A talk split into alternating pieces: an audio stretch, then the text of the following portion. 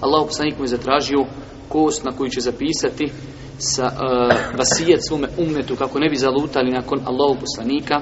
Pa je Alija, bojeći se da smrt ne tri donošenje toga kaže zapamću Allah poslaniće, kaže a glava mu je bila u mome naručju. Oporučuje da čuvamo namaz i zekijat i da se lijepo ophodimo prema robovima. Vidjet ćemo znači ovo da je Boži poslanik oporučio namaz i da je oporučio pažnju prema robovima, imamo vjerodostojne hadise koji to potvrđuju. pa je možda Imam Buharija to citirao, znajući da postoji vjerodostojen hadis u kojem Allah poslanik je zadnje riječi koje je kazao As-salate, as-salate, namaz, namaz i bojite se Allaha u pogledu oni koji posjedujete. Znači zadnje što je poručio Allah poslanik je bilo ljudi čuvajte namaz i budite dobri prema robovima kao što ćemo vidjeti sad u sljedećem hadisu, od Abdullah ibn Omara se prenosi da je kazao Rekao je Allahu poslanik alejhi salatu vesselam ejibu ad-da'i wala la taruddu al wala wa tadribu Odazovite se onome ko vas pozove. Ovdje je malo taj e, hadis općenito preveden. U arapskom inače kada se kaže ad-da'i odnosi se odazovite se onome ko vas pozove na gozbu, na hranu, na proslavu. Pogledajte, braćo moja draga, koliko je islam savršen, koliko je potpun, koliko je lijep. Čak velik broj učenjaka kažu kada je u pitanju svadba, normalno svadba na kojoj nema muzike, nema vina, nema alkohola, nema miješanja i muškaraca i žena, razgoličenosti, da je obaveza čovjeku da se odazove na takav poziv. Obaveza ti je da odeš da prisustvuješ slavlju brata muslimana kako bi jednostavno njegovo slavlje bilo i tvoje slavlje. Normalno, islamski učenjaci postavili određene uvjete, pa između ostalog jeste prvo, ovo govorimo samo o svadbi. Dok kada je u pitanju poziv na neku drugu hranu, znači neki drugi, hajde kažemo sobet, neko drugo okupljanje, velik broj leme kaže da je pohvalno, izuzetno pohvalno se odazvati. Allah poslani kaže, ko vas pozove na svatku odazovite se. naredbena forma, odazovite se. Ali uvjet je, prvo da nema tu grijeha. Znači, ako te neko pozove i kaže, bit će pjevaljka, u hotelu smo, ima muzika, ima alkohol, zavrnite nam tu pipu, Allah vam dao svako dobro.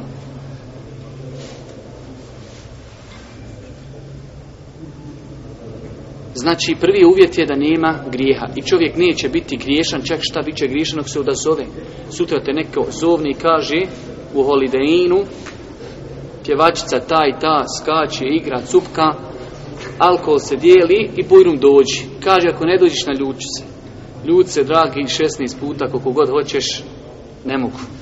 Priči mi Allahu hatur od toga. Osim, kažu učenjaci, pod uvjetom da odeš i da to ti, znači, onaj, negiraš, da ukažeš na to zlo i da će te ljudi poslušati. Tada trebaš otići. Ako si autoritet kod tog čovjeka, da ti odiš i kažeš ljudi ovo je haram, ovo je zabrajno, Allah nije zadovoljan, ovo, ovo, ono. I on kažu nismo znali, Efendija izvini, Allah te nagradio, zavrči muziku, daj samo bezalkoholnu pivu. podijel, nema veze, bezalkoholna piva u tim slučajevima može ići. Znači, uvjet je da bi bilo obaveza da se odazove čovjek da nema munkera, također da ga pozove musliman, jer Allah poslanik kaže pravo muslimana kod muslimana jeste kad ga pozove da mu se odazove. ne nevjernik kako pozove, čovjek se može odazvati ako nema tu grijeha, ali nije obaveza. Također, kažu islamski učenjaci, da provođenje te svadbe neće uzrokovati izostavljanje vađiba, Kažu dođi na svadbu, svadba počinje u tri, i traje do dvanaest Prekidate li vi kako nikako kažu. Pa klanjate li, spajate li makar namaze ništa kaj mi ne klanjamo. Tako, znači tu čovjek ne treba da se odaziva. I zadnja stvar, četvrti uvjet da bi poziv na svadbu bio obavezan, znači da bi se čovjeku bilo obavezno odazvati, jeste da te čovjek pozove lično. Čovjek ako dođe i najavi u džami, kaže kogod hoće nek dođi. Kogod dođe, alhamdulillah. Ali tada nije obaveza. Ali kad čovjek tebe lično zaustavi i kaže sutra je svadba, dođi, neće biti grijeha, neće biti harama, neće biti zastavljanja onaj vađiba, on musliman, onda je po velikom, velikom broju činjaka obaveza se čovjek odazove. Druga stvar, kaže vola, tarutul hedija, Allah znači rekao u ovom odazovite se onome ko vas pozove na hranu, na proslavu, nemojte odbijati hediju hedija i udjeljivanje poklona u islamu ima veliko mjesto Allah poslanik je znači u svome životu u svome životopisu pokazao znači najveće primjere udjeljivanja do te mjere da je znao dati čovjeku stoke toliko koliko može stati u jednu dolinu između dva brda, a on bi sallallahu alihi wasallam je znao vezati stomak, vezati kamen na svoj stomak od gladi. Či znači, dijelio je velikim udjeljivanjem i svi znate onaj hadis kada mu je jedna žena udjelila ogrtač, on ga je uzeo zato što je bio potreban, pa mu je došao čovjek i zatražio taj ogrtač, pa Allah poslanik odmah mu dao, iako je bio potreban, pa mu kažu Asavi, pogriješio si, ali ti znaš da Božim poslaniku kogod šta zaišće, on daje. On nije znao odbiti či znači, i hedija, poklon, ima veliko mjesto u islamu. Nažalost, svakim danom sve više i više ljudi se okreću od tog sunneta koji kako ostavlja pozitivne tragove na društvo. Kad ti imaš komšiju, udjelio ti nešto, dao ti nešto, ti dao njemu, ovaj ti poslao, neki brat ti pošalje iz nekog grada, neku hediju, to vezuje ljudska srca. Zato je Božji poslanik i kazao u na hadisu Tahadau tahabu Udjeljujte poklone pa ćete se voljeti među međusobno. Ovdje iz ovoga nemoj odbijati poklon, izuzima se poklon koji nije dozvoljen šerijatom. Ti radiš kao doktor ili bilo koju drugu funkciju obnašaš i čovjek kaže, ma evo nek imaš na kafu, zato što si mu pripazio gore dijete u bolnici, to je znači otvorena onaj to je rišvet koji je zabranjen vjerom, mito i takav poklon se ne može uzimati. Znači, čovjek koji radi, ima svoj posao i plaćen je za taj posao, njemu više nije dozvoljeno uzimati nadoknadu za taj posao. Čovjek ako radi u nekoj državnoj instituciji ili bilo koju i za posao koji radi ne može uzimati više nadoknadu. Ne može uzimati poklone. Zato znate kada je onaj ashab dečak, ne nas umjetati. Ili sjedi ili budi pametan. Znači, Boži poslanik jedne prilike poslao jednog ashaba da sakuplja zekijat. Pa kada je došao, on je išao po selima, po gradovima, sakupljao zeke, kada je došao, kaže Boži poslaniće, ovo je vama, a ovo su meni ljudi dali hediju i poklon. Kaže Allah poslanik, šta je ljudima? Mi ih pošaljemo da sakupljaju zekijat i onda kažu ovo je vama zekijat, ovo su meni pokloni. Što kaže nije sjedio kod svoga babi u kući pa bi vidio bil mu ta hedija došla. Tako i čovjek kad radi u bolnici, pa mu neko dadni sto maraka u džep, Kajma nije to ništa, to je Što nisi sjedio kući pa neko mi je odnio sto maraka. Pustiti to. To je znači nagrada, hoćeš ti da on tebe malo dodatno pripazi.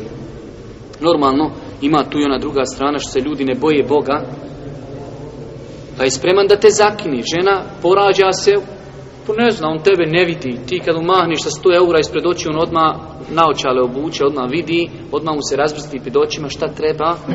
Dok prije toga žena umire, znači nema pojma, jednostavno nisu regularni papiri, treba ovjeri, treba gore, treba dole, haj kod mati, opečati, aj strmo, aj brdu, ali kad mu 100 eura promaši ispred očiju, sve regularno vozi, odmah porađa mu sve u redu. Čak su učenjaci rekli, u tim nekim iznimnim situacijama kad čovjek ne može ostvariti svoja prava osim putem mita da mu je dozvoljeno da da mito ali je haram onome što uzima nje njemu koji daje ali to samo kada moraš znači zaista u iznimnim situacijama kada ne možeš doći do svojih prava ko što imate slučaj u nekim državama ti svjestan da znaš voziti svjestan si da znaš voziti i bolje voziš od mnogih koji dobiju vozačku i on tebe obori deset puta. Tim nekim situacijama, znači, kada čovjek mora, odnosno, bit će zakinuta njegova prava i ne može doći do svojih prava osim ako dadne mito, znači treba da prezire taj grijeh, ali nadat je se inša Allah da je grijeh samo onome koji je to uzeo. Ali u svakom slučaju treba znači to svoditi na jedan minimum, da to ne bude sad rekao je tamo jedan predavač može se davati, gdje god malo zapne, u Boga mi moja su prava zakinuta, de ti, evo da ja podmažem, ovako je brate najslađe, ide to pravo. Ja to nisam rekao i ne želim da to neko shvati od A znači kad vidi da te neko pravi budalom, žena će ti preselit, a on se pravi tokmak, neće da je uzme porodit, znači u tim nekim situacijama, kada je život u pitanju, ili kada čovjek, znači znaš da si kompetentni od mnogih koji su na kursu kandidirali, znači dali su svoje papire i ti si možda najkompetentniji u svega toga i primit će nekog tamo smetljara, zna zato što ti nisi podmazo, u tim nekim situacijama učenjaci su dozvoljavali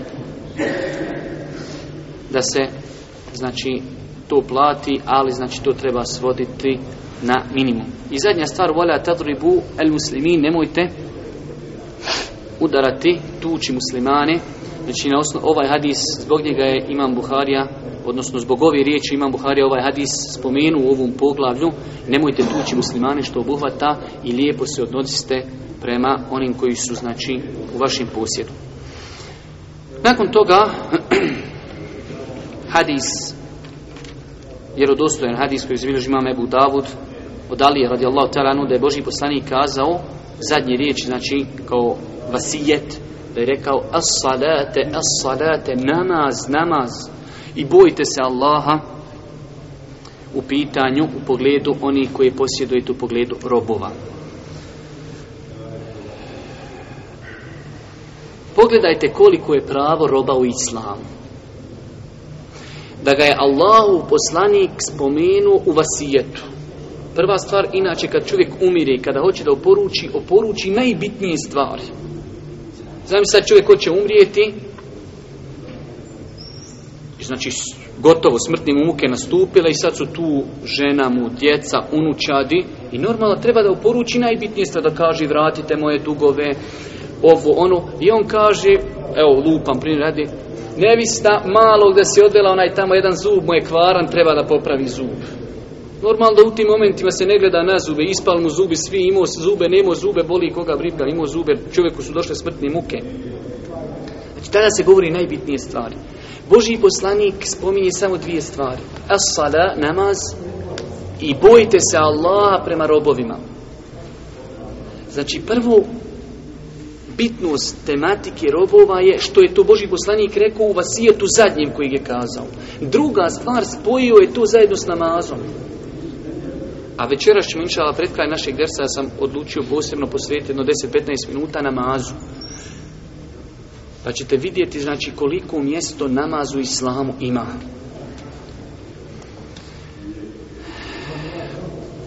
Nakon toga Imam Buhari rahmetullahi alihi je spomenuo hadis od Ebu Darda, znači ovo je predaja od Ebu, e, e, od Ebu Darda, a ta predaja ništa drugo je do hadis. Takav hadis je zabilježio imam tirmize sa vjerodostojnim lancem prenoslaca Tako da ova predaja jeste u ovoj ovdje konkretnoj predaji je govor Ebu Derda Allahu talanu, ali u osnovi to je hadis Božijeg poslanika. Kaže Ebu Derda jedne prilike ljudima poznajemo vas bolje nego što veterinari poznaju životinje. Kaže, mi imamo, hoću da kaže, imamo od božjih poslanika pravila. Na osnovu kojih imamo šeme, imamo šablone. Na osnovu kojih mi vas poznajemo nego, bolje nego što veterinar poznaje životinju. Pa onda on njima kaže, znamo ko je među vama dobar ako loš. Dobri su oni od kojih se očekuje dobro, a ovdje je malo prevedeno, a čovjek je siguran njihovog zla. Tako treba bukvalno prevesti, to je bolje. Kaže, dobri su oni od kojih se očekuje dobro, a siguran si njihovog zla. A loši su oni od kojih se ne može očekivati dobro, niti se može biti siguran od njihovog zla i oni koji ne puštaju oslobođene robove. Hadis Allahog poslanika je znači baš ovo što je zadnji kazao Ebu Derda, Hajrukum men jurđa hajruhu Najbolji među vama su oni od kojih se očekuje dobro. Zato svako od nas treba da se prispita kako ljudi gledaju na njega u društvu. Da li si od onih ljudi, kada te ljudi pogledaju i vide, Očekuju da ćeš doći sa nekim dobrom, sa nekim hajrom. Ne samo ono šuške, dolari, euri, kako mi dobro smatramo, bilo koje je dobro. Pomoći bratu muslimanu, obići brata muslimana, ukazati na neki hajr, negirati neko zlo. Da li smo mi takvi? Može, može. Da li smo mi takvi? Isto tako. Da li su ljudi sigurni našeg zla? Naš ljudi, kada nekog vidiš na ulici, ma daj zaobiđi drugom ulicom. Zašto? Nisi siguran će ti nanijeti kakav belaj. Ili kad dolazi on stanovat u neki, neku nasilje, ljudi izgubi nekad osjećaj zaista gdje se nalazi prostor, vrijeme, ali let, Bože moj, stari ljudi.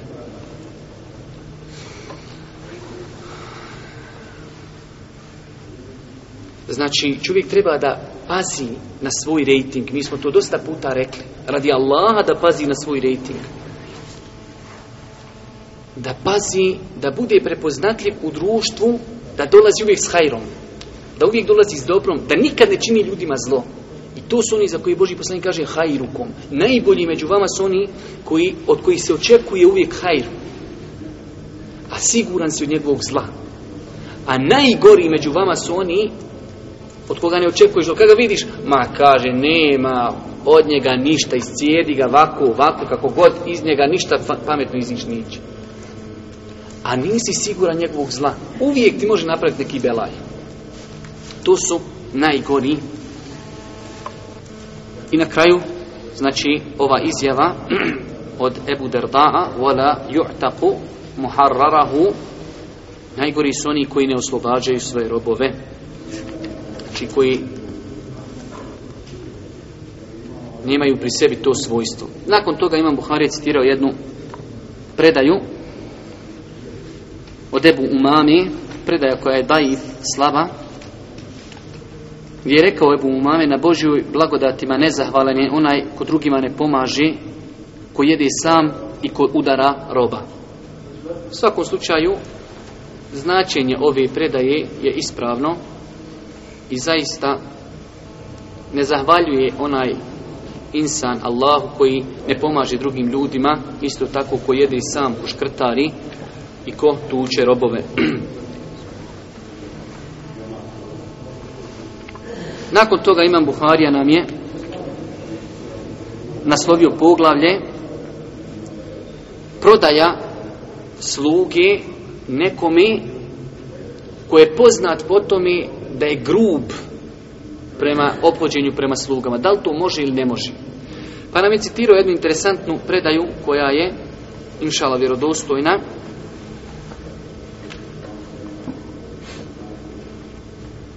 Jedne prilike Aisha imala robinju. Imate nešto u šerijatu da se rob može osloboditi, da kažeš ovaj rob je rob sve dok sam ja živ i meni će izmetiti, kad ja umrim, od onog momenta kad ja umrim, on je slobodan. Pa je iša tako jednoj svojoj robinji rekla, slobodna si kad ja preselim.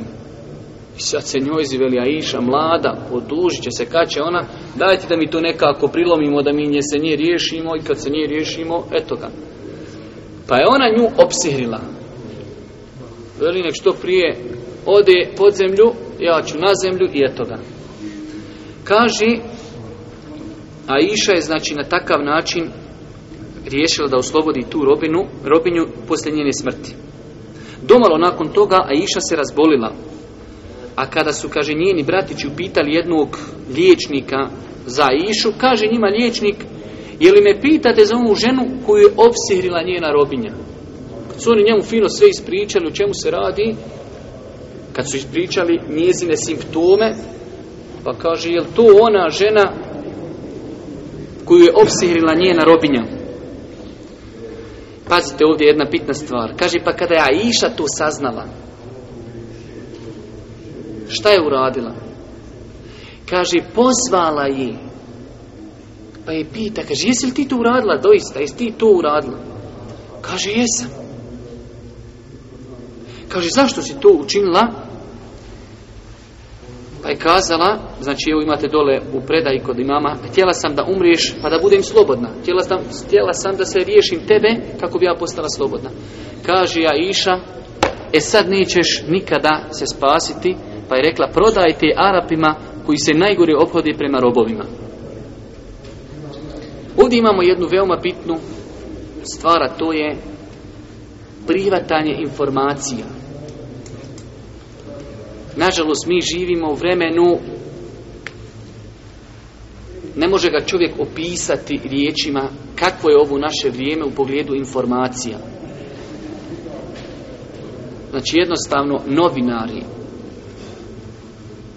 su izgubili jednostavno insanstvo, izgubili su, zaboravili su na bonton kako bi trebao da se ponaša jedan novinar, tako da Znači zaista je mnogo laži na terenu i čovjek musliman treba da bude oprezan. Nažalost, opet kaj živimo u vremenu kada su ljudima toliko izaprali mozak informacijama lažnim, da ljudi više vjeruju televiziji nego što vjeruju u Buhari, Buharino zbirci Hadisa, vjerodostojno nego što vjeruju u Kur'an. Iako se toliko puta osvjedočili da ti mediji lažu. Danas kažu jedno, sutra drugi drugi dođu i dođu s dokazima da je to juče bila laž. Ništa. Njihov obraz je postao ko John od onih cipela za paštete, protiv pašteta. Znači tu ti je John koji staniš na paštetu, imamo mi ovdje deminira, mogu nam to malo bolje pojasnjavati, ali ne možeš ti odbiti nogu, ti oskočiš, izbije ti nogu iz kuka, ali ti nije odbilo. E, njihov John je, njihov obraz je deblji od tog Johna.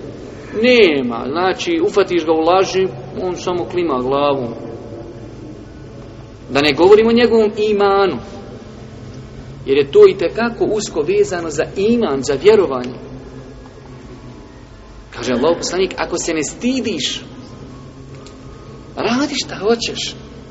To ne znači ko se kaže, ako se ne stidiš, što što E, ja se ne stidim, mogu ja što hoću. Ne možeš.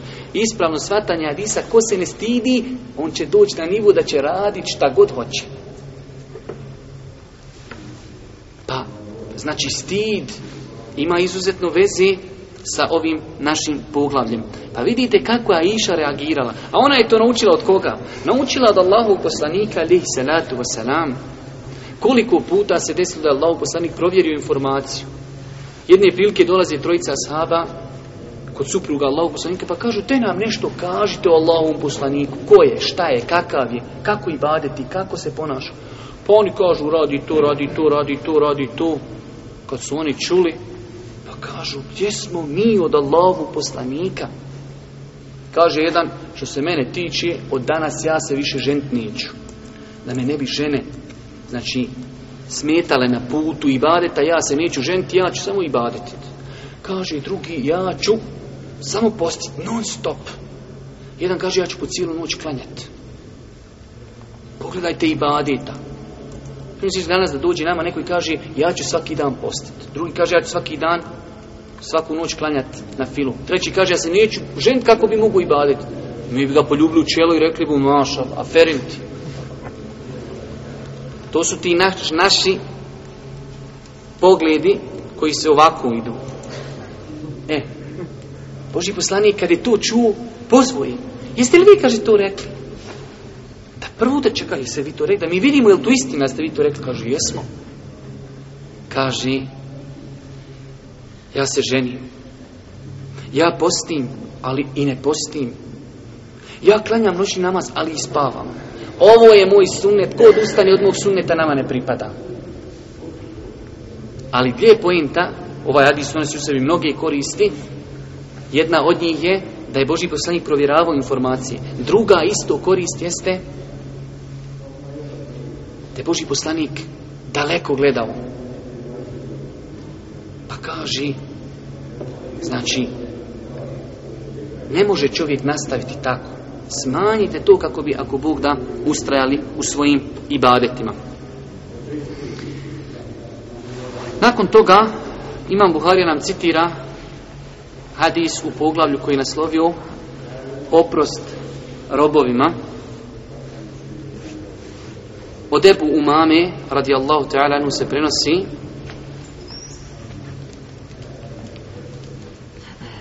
da je rekao Došao je Allah poslanik alaihi salatu wasalam vodeći se sobom dva roba. Jednog je poklonio Ali radi Allahu ta'ala anhu govoreći mu ne udaraj ga. Zabranjeno mi je da udaram udaranje onih koji klanjaju, a njega sam vidio kako klanja.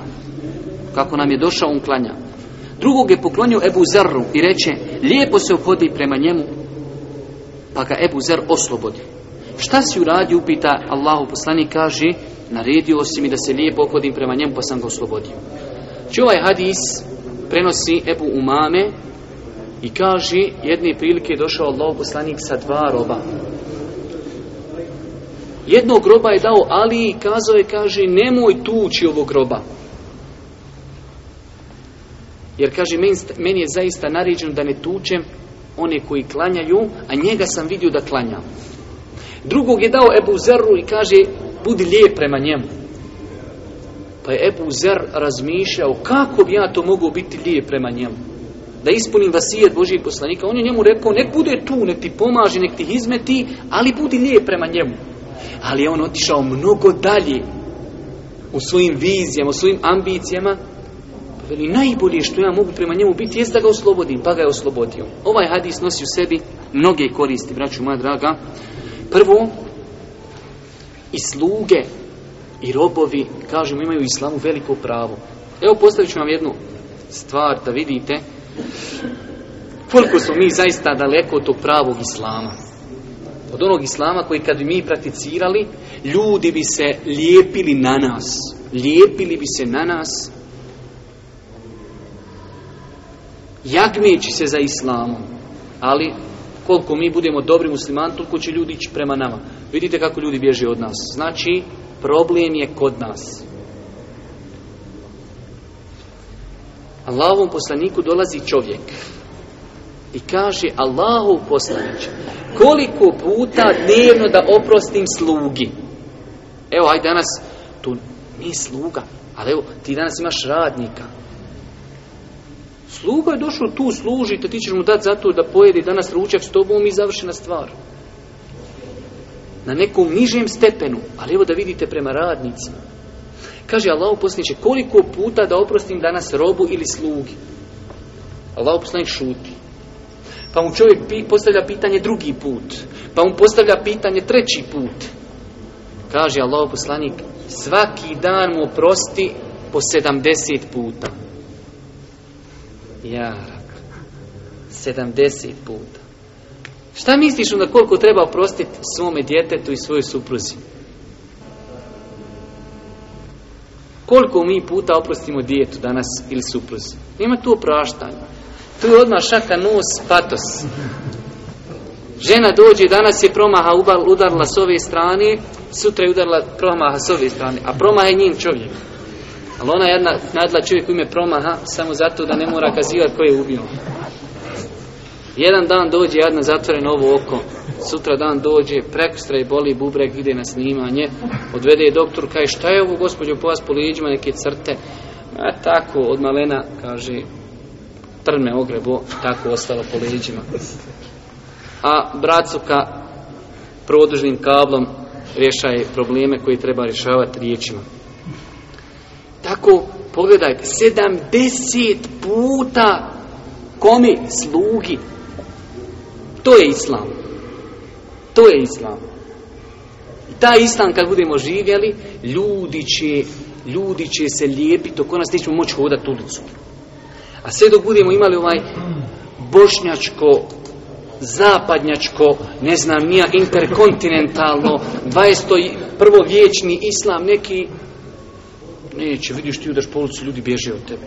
Zato što si namrgođen, što gledaš, što, što pušeš, no ne smiješ otvoriti usta da bi dio na usta. Ne, na nos, samo... Sve ti neke muke, no stop ti neka muka. I onda ljudi bježe, što ćemo kod tebe, šta pušeš, ba mi hoćemo vesele ljude, ba hoćemo ljude koji imaju ambicije, hoćemo ljude koji, koji gledaju otvoreno dunjaluk, koji su vedrog čela, koji nisu namrgođeni, koji dišu i na usta i na nos. takvi hoćemo. I zato kaže, ovakav islam kad budemo živjeli, tada će ljudi prihvatati ono čemu i zovemo Sve dok budemo na ovome na čemu smo, da nam Allah bude na pomoći. Pa kaže, tu je znači jedna stvar. Druga stvar,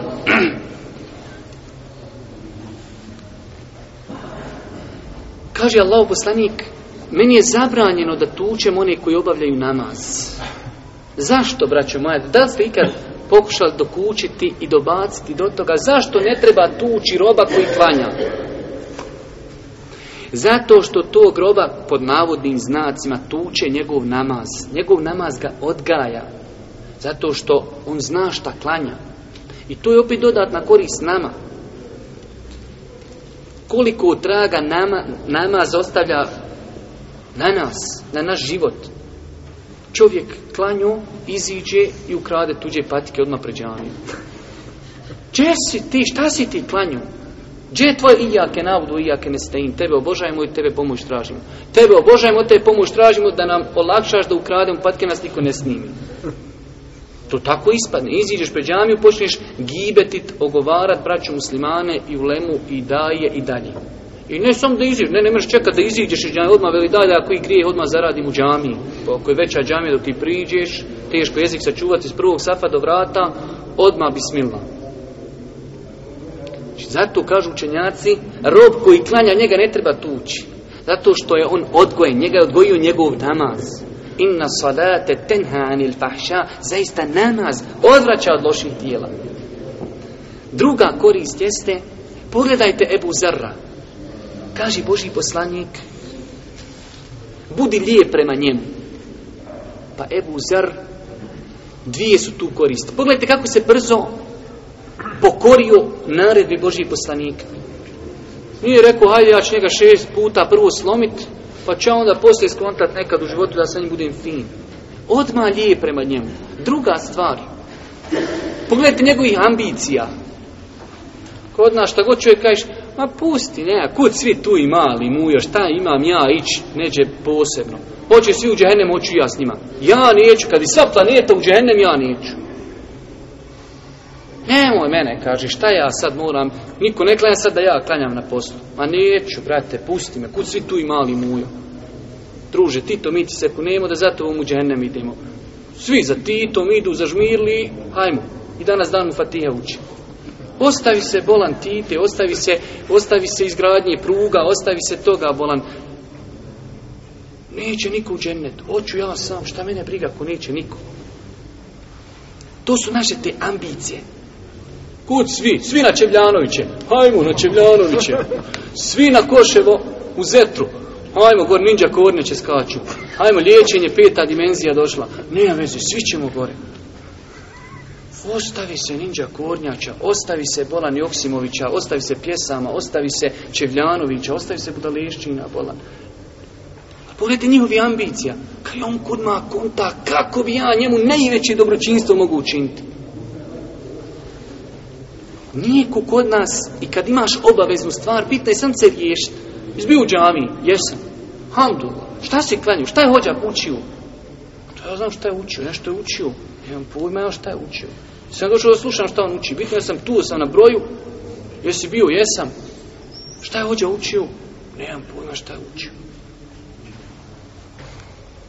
Nije potreba samo da si tu brojem.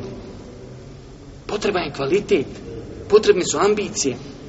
I zato on, pogledajte, kaže, kako bi ja njemu najbolje dobročinstvo mogu uraditi? Najbolje, kaže, da ja njega oslobodim. I oslobodio ga, radi Allahu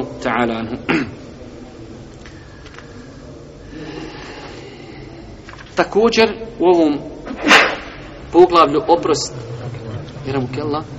prema sluzi ili prema robovima citira nam imam Buharija hadis od Enesa radijallahu ta'ala kaže kada je vjerovjesnik alihi salatu wasalam došao u Medinu nije imao slugu pa me Ebu Talha uzeo za ruku i uveo kod poslanika i kazao Allahu poslaniće Enes je pametan i razboriti dječak pa neka ti bude tu, neka ti izmeti, neka ti pomaže.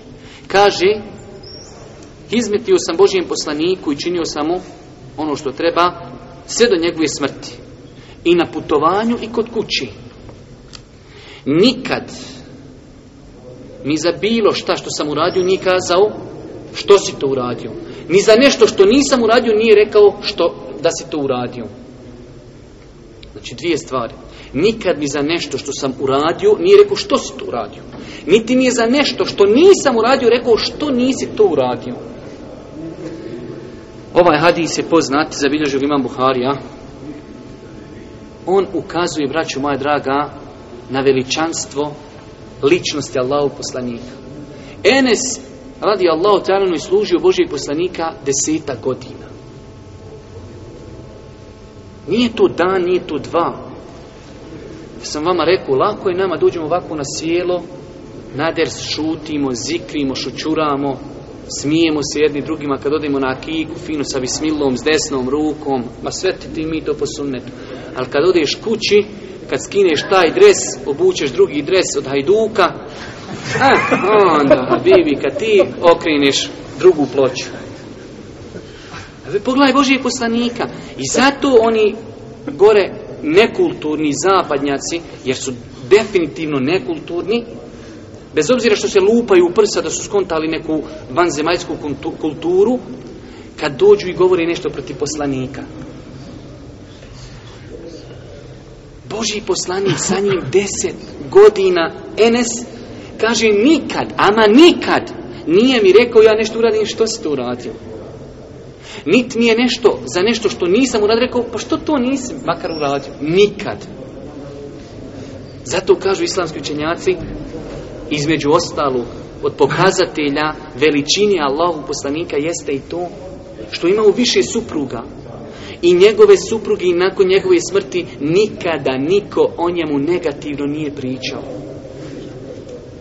Pogledajte oni sad kako se objavljuju se oni dokumenti gore po onim internet stranicama, kako se prijesednici razotkrivaju. Ovaj radio ovdje, onaj radio ondje, onaj organizirao ovdje, onaj... Nek nama neko kaže šta je Boži poslanik uradio. Oni to ne vidi. To nije sramota. Ali treba doći i vrijeđati najčasniju osobu koja je ikada kročila zemaljskom kuglom. Znate šta je to? To je koprena pored očiju. Ljudi vide, ali ne vide. Ne vide, ne vide, ne ne tu propast u koju idu. U svakom pogledu propast. A najviše moralnom, ali su spremni da vrijeđaju Božih poslanika. Što njihovi predsjednici, malo, malo afera, imao aferu sa ovom, imao aferu sa onom, imao ovdje bračno, imao ovdje vako, imao ondje, ovdje prevario, ondje ukru, ondje zakinu. Ne, ne, ne, naši su dobri ko kru. To je koprena na očima, braću moja draga. Zato kažem ovaj hadis jasno ukazuje na ličnost Allahovog poslanika alihi salatu wasalam. Kakvog je on ahlaka bio. Ti danas ne možeš jedan dan da provedeš, ne godinu, ne deset godina, da ne možeš da svom rođenom djetetu, ne slugi, rođenom djetetu, da mu kažeš, ostavi, nemoj, što si, što nisi. A Boži poslanik deset godina, Normalno, to s druge strane, kao što kažu učinjaci, ukazuje na baš istinitost ovih riječi kada je Ebu Talha doveo Enesa, kaže Enes je oštrouman, pametan. I to ukazuje, jer da je on bio neki ifrit, pa hodao na glavi, pa jadni, poslanik bi rekao, pa čekaj, nemoj hodat na glavi, više dosta. I on bio pametan. Nije pravio nikakve aferime, pa zato Boži poslanik nije imao potrebe. Normalno se on tome trebalo reagirati nekad ali to ukazuje i na njegovu oštroumnost. Koliko je bio pametan, da je deset godina služio Božih poslanika, da mu nikad nije rekao, znači, zašto? Također, nakon toga, i tu ćemo se inšala zaustaviti, nakon ovog hadisa, pa ćemo vidjeti koliko nema vremena da malo progovorimo nešto o namazu. Poglavlje kada sluga pogriješi. Kaže od ashaba koji se zove Laqit ibn Sabira. Ovaj hadi, ashab je poznat po svom hadisu s kojih su učenjaci, iako tako jednostavan, uzeli mnoge fikske koristi, da je Boži poslanik rekao, dobro isperi nos kada abdestiš, osim ako si postač On je poznat, zato učenjaci kad kažu hadis Laqit ibn Sabire, taj hadis je, to je ovaj hadis. S tim što je on, znači, ima svoju dužu predaju, ali poznate po ovome zadnjem dijelu gdje Boži poslanik kaže a dobro isperi nos osim kada si postač E ovaj ashab kaže sjedio sam sa Allahovim poslanikom alaihi salatu wasalam kada je pastir utjerao janje u tor. Ovaj hadis je ovdje skraćeni verziji. A ja ću vam ga onako prepričati. Ima, znači, na drugim mjestima zabilježen detaljnije kod imama Ebu Davuda Ahmeda i tako. Kaže ovaj ashab, došao sam kod Božijeg poslanika sa jednom delegacijom, pa smo sjeli kod njega, odnosno prije nego što je došao Boži poslanik, supruge Božijeg poslanika su nam iznijele iz njegove kuće da jedemo što su imale. Pa kada je došao Božiji poslanik, upitao je, kaže, jeste li ugostili goste? Jesmo. Pa je u međuvremenu došao pastir Božijeg poslanika. Božji poslanik je imao stado ovaca. Pa je doveo mlado jagnje i uveo ga u tur. A božji poslanik, pogledajte to kerama i pogledajte tog dobročinstva. On imao stado ovaca, ali sve bi stavio granicu, ne može stado prijeći nikako stotinu. Kad god dođe jagnje, sto prvo, on njega uvede, a izvede ovcu i zakolje. Uvijek je sto. Kad god se ojanji ovca, on jedno zakolje ili dadni nekome. Ste čuli za takav ikad primjer? Nećete nikad nići do sudnjih dana. Čovjek kaže, ne interesuju da mi se stado povećava. Naši čobani, on spava i sanja kako mu bleče ovce oko njega i kako se, kako, kako, stotinu se janilo odmah dvijesto. Boži poslanik ne kaže, umri samo stu. Kad se jedna ojanji, odmah sutra dan druga ide kolji se. Sto. Pa je doveo taj njegov, taj njegov pastir, doveo je jedno jagnje, pa kaže Boži, Boži poslanik, šta je to? Kaže jagnje koji se tek ojanjilo, kaže Allah poslanik pa je naredio da se zakolje jedna ovca. Pa kaže ovom ashabu, a oni su već prije toga znači bili ugošćeni, već su ručali. Vidjet ćete, znači ovdje kad je čovjek bolestan, može ovaj hadis shvatit s takvog aspekta bolesnog, ali kad je zdrav, može ga shvatiti zdravo. Pa kaže Allah poslanik, nemojte misliti da koljemo ovcu zbog vas ovu jednu ruku kao ono vi ne vrijedite, mi ne koljemo ovcu zbog vas. Ne. I onda on njemu pojašnje kaže mi ovcu koljemo zato što je ona znači preko sto i koljimo. Ali isto tako oni će to jesti. Ali ne želi da osjeti gost da je gost težak. Jer ti kad imaš gosta, pa čovjek pokući oda, kaže, ženo, daj onaj novčanik da pošaljemo dijete da kupi meso, da kupi ovo kost, jedno osjeća se neugodno. Ma nemoj, ja sam sit, sit sam veli tebe kad se tako ponašaš, on gladan jadnik, a veli sit sam ja, nemojte vi ništa, ja sam, jeo sam ja. E, Boži poslanik nije htio da njih stavi u nezgodnu situaciju, pa kaže, nemoj da mislite sad ovo što mi koljimo Koljimo zbog vas, ne, mi to koljimo što je sto ta ovca, ali eto, alhamdla, vi ste tu, pa ćemo i zajedno pojesti. Pogledajte koliko je Božji poslanik pazio na ljude iz svog okruženja, ne želi da da njihove osjećaje povrijedi, da se osjećaš u društvu ono evo sad oni zbog nas nešto kolju, da li to oni kolju dobrovoljno, nije dobrovoljno, da li im je teško. Boži poslanik kaže, ne, ne, ne koljemo mi tu zbog vas, vi ste već ugošteni, ali svakako ćete jesti sa nama. I onda, kaže Allah poslanik, ovaj, zato kažem, rivajet je malo skraćen u toj delegaciji koja je bila sa ovim ashabom koji se zvao Laqit ibn Sabira, bilo je još ljudi. Pa kaže jedan čovjek, Allahu Poslaniče imam ženu. Ali kaže, ima dug jezik. Bela je sa njom živi. Šta ću? Kaže Boži poslanik, razveti je, ako nemaš sa njom živjeti, razveti je, brate. Pazite šta kaže ovaj asab. Kaže Allahu poslaniče, ja sa njom već dugo živim. Jedan. Pod dva, kaže, ona mi je rodila dijete. Kaže Allah poslanik onda, kaže, savjetuje bolan. Ako, kaže, bude u njoj hajra, ona će se pokoriti tvome savjetu. I onda, onda tek dolazi ovdje što piše, ne udaraj ženu kao što udaraš robinju i dobro isperi nos kada budeš abdestio osim ako postiš jedna veoma bitna stvar nakon ovoga svega što smo spomenuli koliko je Boži poslanik bio dobročinitelj, kako je pazio na osjećaje ljudi, jedna veoma bitna korist koja nam danas treba, a to je odnos muža prema ženi. I ženi prema mužu. Pogledajte, dolazi Asab i kaže, Boži poslaniće, žena problem. Inače, znači, kod ženi najveći problem može doći iz usta, iz jezika. Žena koja ne može kontrolisati jezik može imati problema po leđima svaki dan. Jezik može, kažu, kako ono, je onaj moj veliki prijatelj, kako kažu, nema kosti, ali lomi kosti. Jel tako? Kaže, jezik nema kosti, ali lomi kosti. Znači, to, to sam čuo od jednog prijatelja, ovo bio na predavanju. Nema, kaže, kosti, ali lomi kosti. Zato Boži poslanik u hadisu Buharije kad kaže musliman je onaj od čijeg jezika i ruku su sigurni muslim. Prvo jezik. Jer kad jezik načmi i kad on zareži, to ne može zarasti. To čovjek zasjeće, tu staviš mehlema, to zaraste za 15 dana. Ali kad jezik načmi i kad te jezik povrijedi, dobro, ova žena je pogriješila. Kaže Allah poslanik razvedi pa pogledajte ovo. Kaže, Allah posnići. Ali ja, kaže, mi dugo živimo. Imamo dijete. Kod nas danas, bratu, dođu mu neki kliker, njegovi trebao bi se ženiti po drugi put ili po treći eventualno. Već je oživim 15 godina. Ima troje djeci. Žena, ko žena, bosanka, na našim podne bi odrasla više ženstvo, slabo poznato, ljubomorna. Ona kaže, ti dovedi tu, ja iskući. I ništa, on koda mu ništa rekla nije. Nema veze. Ja dovodim, djeca ostaju, pola kod nje, pola kod njega. Ova sutra, a pa opet šta je napravio? Oči ima dvije žene, on opet ima samo jednu. Ništa nisi napravio čovječe.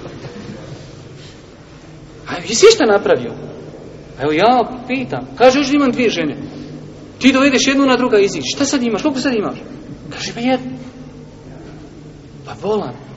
Ovo ne znači nikako opravdanje da se ne treba žen po drugi put. I da su te žene koji tako govore ispravno. Ali govorimo kako ljudi olako prelaze preko tih činjica. Čovjek oženjen, ja sam znao slučajeva po 15, 16, 18 godina čovjek oženjen.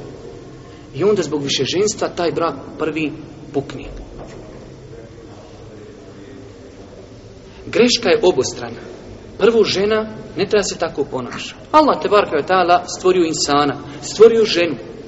Muškarcima dozvolio da se imaju više puta žene, da imaju četiri žene u isto vrijeme, ženama da mogu imati jednog muža u jedno vrijeme. Znači, to je Allahov zakon. Allah je stvorio insana i zna šta insan može trpiti i šta mu odgovara. U redu. Ne, ne, žena kaže, ti nju, ona u kući, ja iskući. Ali isto tako i ovaj postupak, da se tako rezovi, žestoki, brzo pravi, djeca ostaju bez roditelja. Mama je odvela kod sebe hertu, ona i tamo odgaja po svom tabijatu, da je najgori čovjek na planeti babo. Babu i hertu dana uzme kod sebe, kažu ne i gora žena na planeti je vaša mama.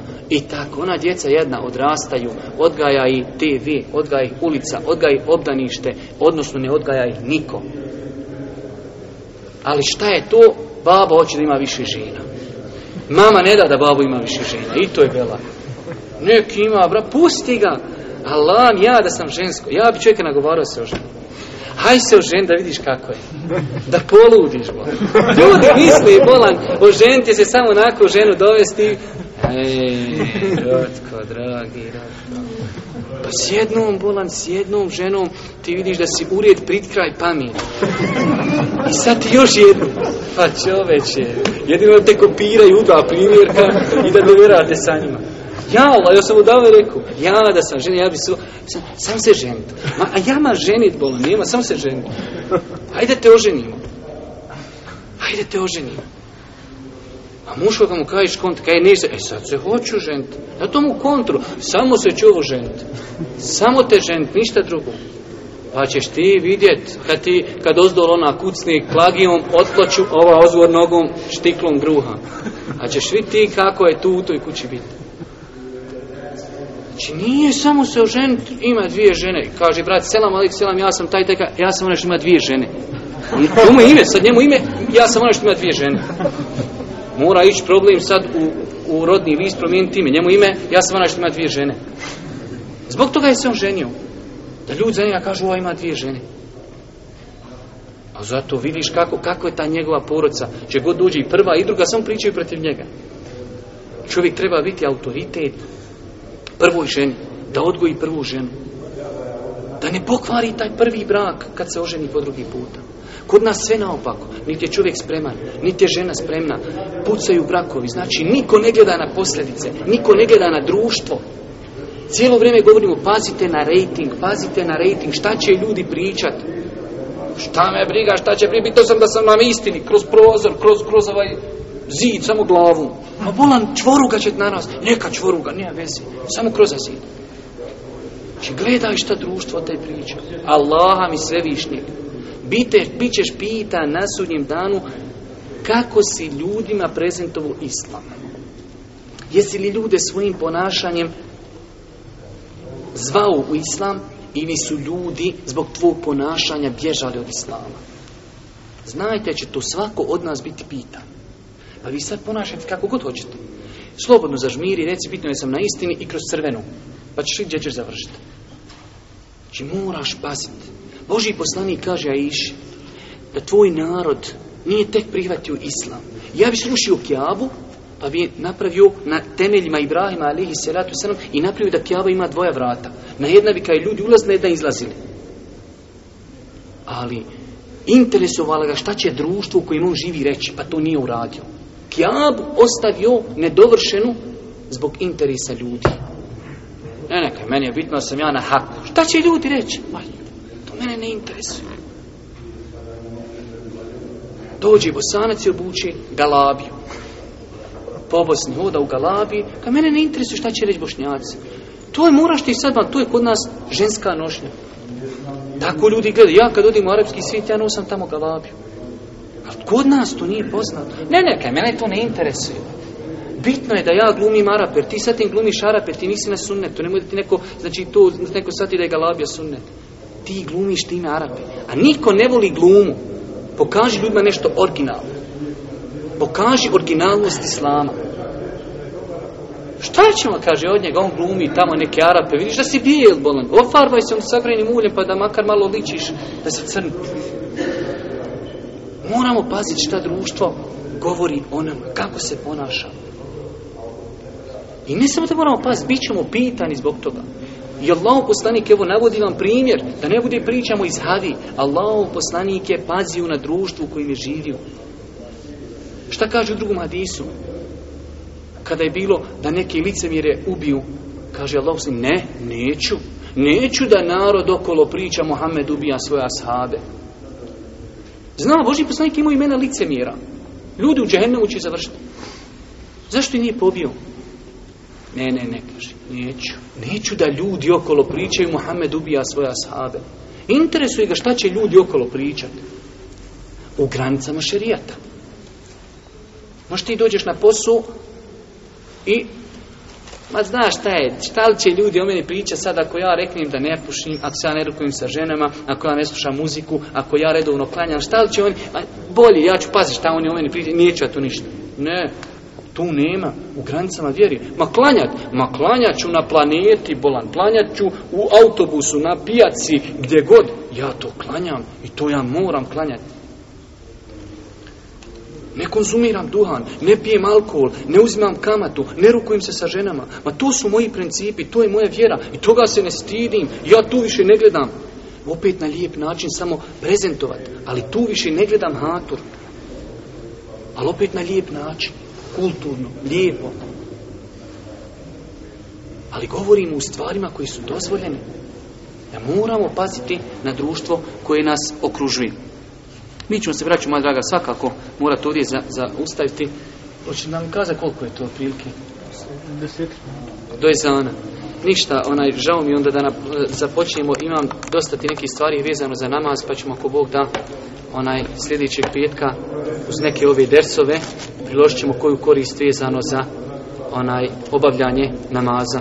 Molim Allah subhanahu na kraju druženja da nas učvrsti na putu istini, da nam bude milosti na sudnjem danu, da nam oprosti grijehe, da nas poduči propisima vjere, da nam olakša prakticiranje onoga što znamo, da nam bude milostiv, da nas okupi u džennetu kao što nas je okupio i ovdje i na kraju subhanaka Allahumma bihamdika ashhadu an la ilaha illa anta astaghfiruka wa atubu ilaik.